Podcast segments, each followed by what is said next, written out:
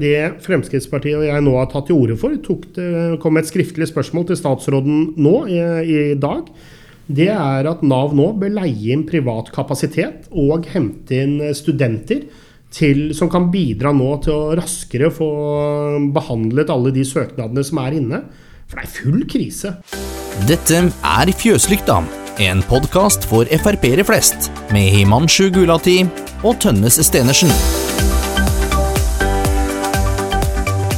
Velkommen til en ny episode av Fjøsikpodden. Og I dag er vi så heldige å ha med oss stortingsrepresentant Erlend Wiborg. Velkommen, Erlend. Takk for det.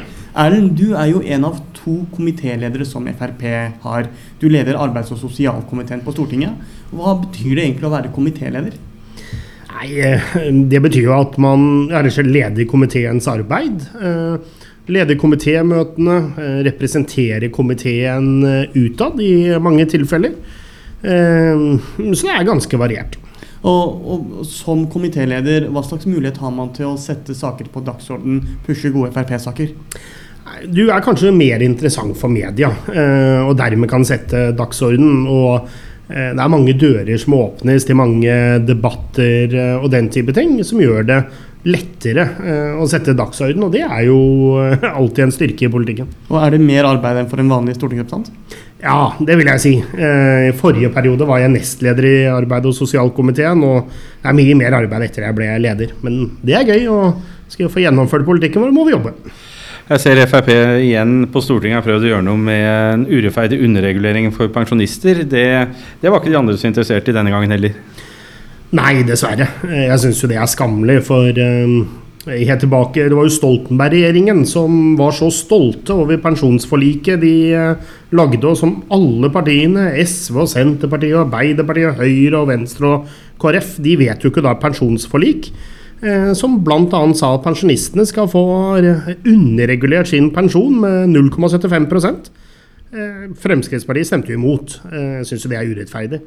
Men vi ble nedstemt, og nå har det hatt underregulering i mange år. Vi har tatt det opp på nytt. Senest nå um, i mai så fremmet Fremskrittspartiet forslag om å uh, få stoppet den uh, underreguleringen.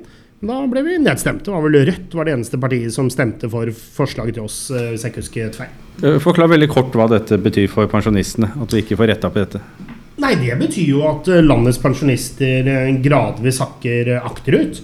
Fremskrittspartiet sin modell mener jeg er den åpenbart mest rettferdige og enkle. Det er at pensjonistene skal ha samme prosentmessig utvikling som resten av samfunnet. Altså hvis resten av samfunnet ett år får 2% lønnsvekst, da skal pensjonistene også få 2% Ikke noe underregulering.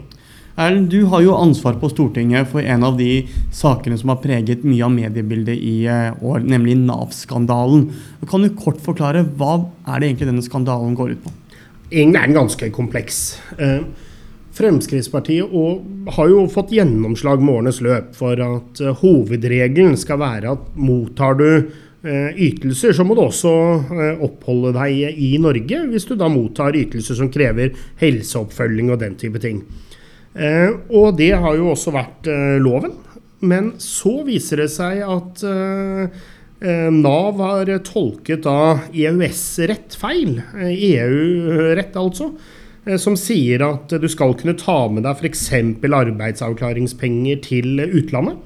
Noe som, ikke, som er til strid med hva norsk lov har sagt. Og Det har jo da ført til at man har jo Norge dømt etter norsk lov, som utgangspunktet burde være det eneste riktige. Men Stortinget har også vedtatt at EØS-rett har forrang, altså skal være over norsk lov. Eh, og dermed så er det mennesker som har blitt dømt eh, til fengsel og tilbakebetaling osv., men som egentlig da eh, ikke gjorde noe galt. Juridisk sett, i hvert fall.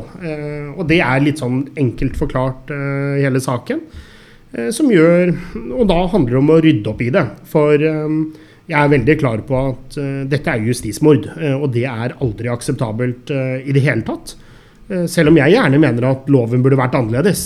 Eh, og det kommer Fremskrittspartiet til å kjempe for fortsatt. Eh, for det er helt meningsløst at folk som ikke har jobb, men som er i behandlingsløp, utredning osv.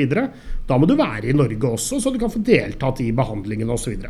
Men hvis du blir ufør eller er pensjonist, eller noe sånt, da skal du selvfølgelig fritt kunne flytte hvor du vil i verden. Mm. Og jeg tror nok det har gjort noe med med hjertet til oss alle vi har, når vi har sett historier om enkeltpersoner som har til og med sonet i fengsel, fått livene sine ødelagt på det som nå viser seg å være feil eh, grunnlag. Eh, så, så, jeg oppfatter deg at her er det Nav som har mye av skylden. Eh, og, dette, og, du har jo også ment at her burde hoder rulle. Har dette fått konsekvenser eh, for noen? Eh, Nei, dessverre altfor lite. Eh, jeg mente jo at Nav-direktøren burde ta sin hatt og gå. Ikke bare pga. selve skandalen, men også eh, hva hun gjorde da saken ble kjent. For da ønsket hun ikke å rydde opp. Hun sa tvert imot at nei, jeg mener vi ikke bør gå tilbake og finne gamle saker hvem som er utsatt for justismord. Og da mener jeg du ikke bør være Nav-leder. Nå har hun riktignok gått av, men nå pga. passert aldersgrensen. Eh, men hun burde tatt sin hatt så godt. Eh, I tillegg så er det mange andre som har sviktet her. Trygderetten, departementet, eh, skiftende regjeringer. Så det er mange som har, har gjort feil. Ja, og kan man legge skylden på en konkret minister, en konkret regjering? Eller, eller, for jeg, jeg, har jo lest i media om at dette begynte allerede tilbake i 94 og har en lang historie. Er det noe man kan skylde på for dette, eller er det mange som har sovet i timen? Jeg mener det er mange som har sovet i timen. Uh, jeg mener jo den rød-grønne regjeringen, som mm, sto for mye av den praktiske innføringen av regelverket her, har en betydelig del av ansvaret. Men uh, også dagens regjering har ansvar. Og, så jeg vil si det er mange uh, som har ansvar her. Men Frp er jo veldig opptatt av at vi ikke skal ha trygdeeksport. Eh, at vi ikke skal være eh, sosialkontoret for hele Europa. Så hva gjør vi, og hva slags eh, forslag foreslår vi for å hindre at norske utbetalinger fra Nav først og fremst ender opp i Polen eller andre østeuropeiske land, hvor det er mange arbeidsinnvandrere fra som jobber i Norge? Fremskrittspartiets mål, som vi jobber etter, det er at norske velferdsytelser det skal gå til norske statsborgere og andre som bor og arbeider i Norge. Altså Hvis du kommer fra Polen til Norge og jobber i Norge og blir syk, eller noe sånt, ja da skal du selvfølgelig ha rett på sykepenger osv. Men hvis du reiser tilbake til Polen, da er det polske myndigheter og polske systemer du da skal komme inn under, ikke norske. Dere jobber jo mye med dette med arbeid. Folk skal komme i arbeid, det skal være rettferdig, og folk skal få muligheten. Når vi ser bort fra denne pandemien vi er inne i, hva ser du på som de største utfordringene i det norske arbeidsmarkedet? Største, jeg mener at arbeidsmarkedet fortsatt er litt for rigid, litt for, um, litt for gammeldags tenking.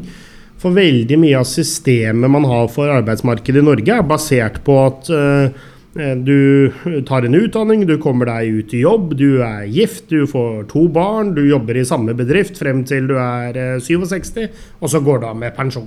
Men det er ikke sånn arbeidslivet er i dag. Folk bytter jobb oftere. Flere kanskje kombinerer jobber. Eh, flere har kanskje delt omsorg for barn og har lyst til å jobbe mer i perioder i bytte mot å jobbe mindre i andre perioder. Eh, og Da mener jeg vi må også få den økte fleksibiliteten eh, inn i lovverket. Sånn at arbeidslivet òg har plass til flere som kanskje ikke er helt A4, som kanskje sliter med litt sykdom, men som fortsatt har mulighet til å jobbe. Da må vi skape et arbeidsliv som har plass til det. Mm. Hvordan påvirker innvandring til Norge arbeidsmarkedet? For det er jo mange som ikke kommer i jobb. Ja, og vi vet jo det er jo i veldig stor grad eh, innvandrere er jo de som har eh, lavest yrkesdeltakelse i Norge. Noen innvandrergrupper er helt ned i 13 yrkesdeltakelse. Hvilke, hvilke er det? Nei, Det er somalske kvinner i hvert fall. Har tidligere vært eh, helt på bunn. Og det viser jo at integrering til Norge har feilet. Eh, og jeg tror noe av grunnen er at vi i litt for stor grad har sydd puter under armene på eh, mange innvandrere som kommer til Norge. Eh, og dermed har de ikke trengt å jobbe.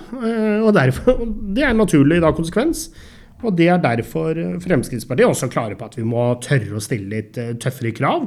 At kommer du til Norge, så er hovedregelen at du skal forsørge deg selv. Eh, du kan ikke forvente at norske skattebetalere eh, skal eh, finansiere deg med en gang du kommer til Norge.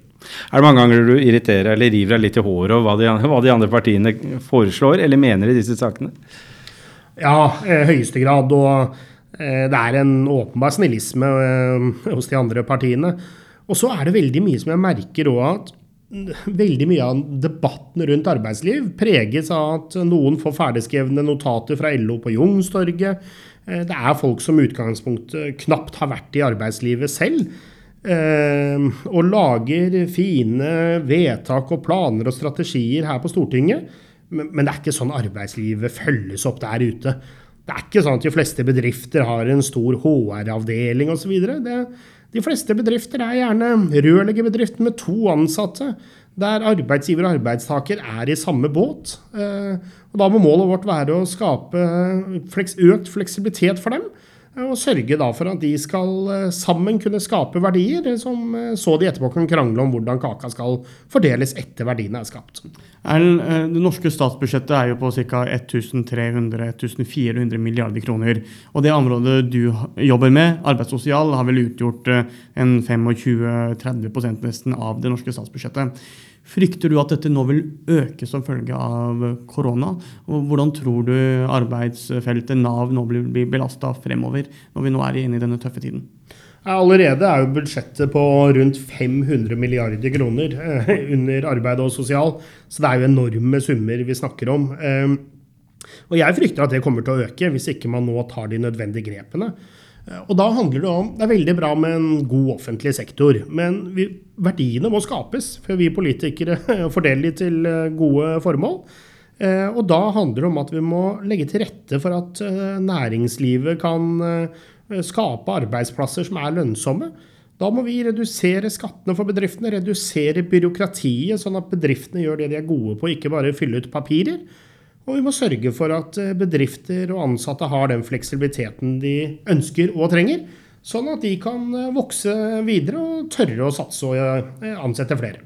Men vi hører jo fortsatt historier om at øh, folk fortsatt venter på utbetalinger fra mars-april. Øh, permisjonspenger, andre ting du skulle få øh, da korona kom, men som de ennå ikke har fått utbetalt. Får du mange sånne historier, og hva tenker du, og hva forteller det oss egentlig om Nav? Jeg får mange sånne historier. Eh, men jeg tror det er, det er, lett å skylde på Nav i mange tilfeller. Men ingen hadde vel forutsett at vi kunne få en sånn pandemi. Og jeg tror ikke vi kan ha en bemanning i Nav fast som eh, kan ta slike ekstreme topper vi nå har fått. Men det Fremskrittspartiet og jeg nå har tatt til orde for, det, kom et skriftlig spørsmål til statsråden nå i, i dag. Det er at Nav nå bør leie inn privat kapasitet og hente inn studenter til, som kan bidra nå til å raskere få behandlet alle de søknadene som er inne. For det er full krise for mange mennesker som uh, venter på å få dagpengene sine, som nå ikke har råd til å betale huslånet sitt eller husleien og mat osv. Det er uh, ikke akseptabelt. Og derfor kan vi ikke ha en allergi mot å la uh, private bedrifter også kunne hjelpe Nav i saksbehandlingen. Erlend, du har jo også nettopp vært i pappapermisjon. Du har fått deg eh, liten datter. Eh, og eh, vi kunne også lese i nesten alle riksmedier at både du, din kone og din datter fikk korona i våres. Hvordan var det, og ikke minst hvordan var det å ha en baby hjemme som, som også ble da smittet av, av dette farlige viruset? Nei, det ble jo en annen pappaperm enn jeg trodde jeg skulle ha. Jeg trodde jeg skulle kose meg rundt på kafeer og trilleturer. I stedet var vi eh, isolert hjemme i huset vårt i et par og 30 dager, var det vel. Eh, nei, for oss eh, Vi fikk jo, jo, fikk jo, korona veldig tidlig eh, i denne pandemien. Det var vel i starten av mars. Ehm, og eh, det var vel en kraftig influensa, eh, var det for oss. og vår lille datter var jo da ni måneder gammel da hun fikk det. Så vi irriterte oss jo litt da vi hørte myndighetene sa at eh, slapp av, barn får nesten ikke dette viruset. Eh, det har jo nå senere blitt motbevist. Eh, det er aldri noe hyggelig å være syk, men heldigvis for oss da så gikk det bra. Vi alle ble friske og raske igjen, og forhåpentligvis er vi immune nå, så ikke vi bidrar til videre spredning. Så takk for at du kom til Fjøslykt-podden, Erlend, og lykke til videre med arbeidet som komitéleder. Takk for det.